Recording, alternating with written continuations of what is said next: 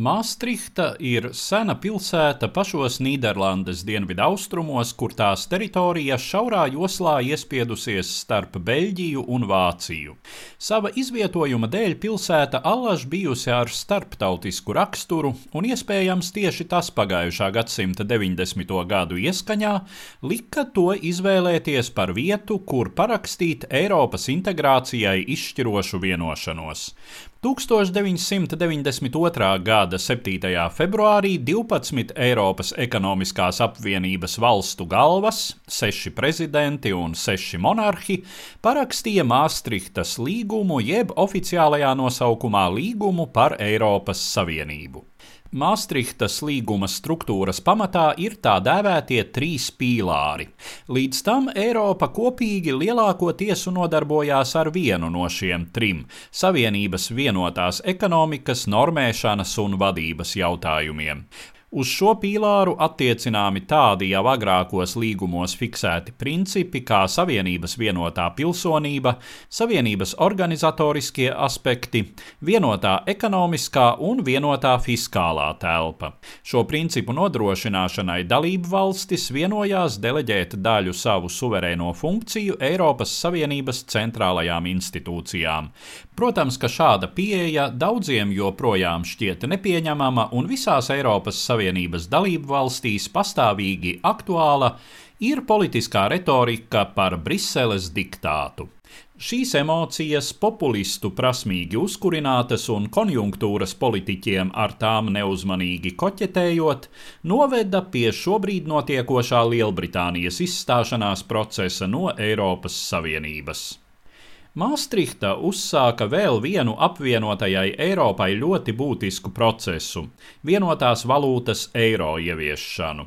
Lai nodrošinātu eiro stabilitāti, tika izstrādāti tā dēvētie Maastrichtas kritēriji - valstīm izpildāmie noteikumi inflācijas, budžeta deficīta, valsts aizņēmumu apjoma un ilgtermiņa aizņēmumu likmju un valūtas kursa ziņā.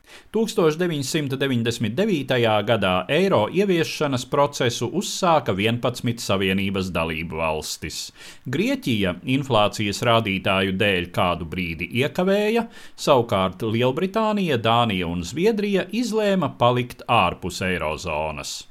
Kā zināms, šobrīd eiro kā savu valūtu lieto 18 Eiropas Savienības valstis, no kurām septiņas pievienojušās Savienībai un Eirozonai tās paplašināšanas procesā. Var piebilst, ka Maastrichtas kritērijus saskaņā ar 2014. gada datiem ievēro vairs tikai sešas no Eirozonas dalību valstīm, tā izskaitā trīs Baltijas valstis. Kas attiecas uz pārējiem diviem piesauktajiem pīlāriem, no kuriem viens apzīmē vienotu ārējo un drošības politiku, bet otrs policijas un citu tiesību sargājošo iestāžu darbības koordinēšanu, tad šeit atsevišķu dalību valstu politiskās nostādnes joprojām ir dominējošās, jo šiem pīlāriem trūkst tās diezgan objektīvi izsveramās ekonomiskās nepieciešamības, kāda piemīt pirmā pīlāra problemātikai. Eiropas Savienības Savienības valstu aizsardzības politikas koordināciju pamatā nodrošina to lielākās daļas dalība NATO, kuru dublēt šķiet nelietderīgi.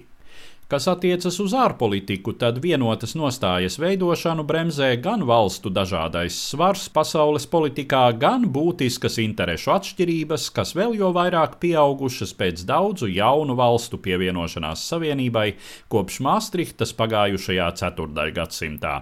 Un vispār pa šiem 25 gadiem Eiropā un pasaulē daudz kas mainījies, un tas vienotības entuziasms, kurš nepārprotami jūtams Maastrichtas līguma burtā un garā, šķiet krietni noplacis.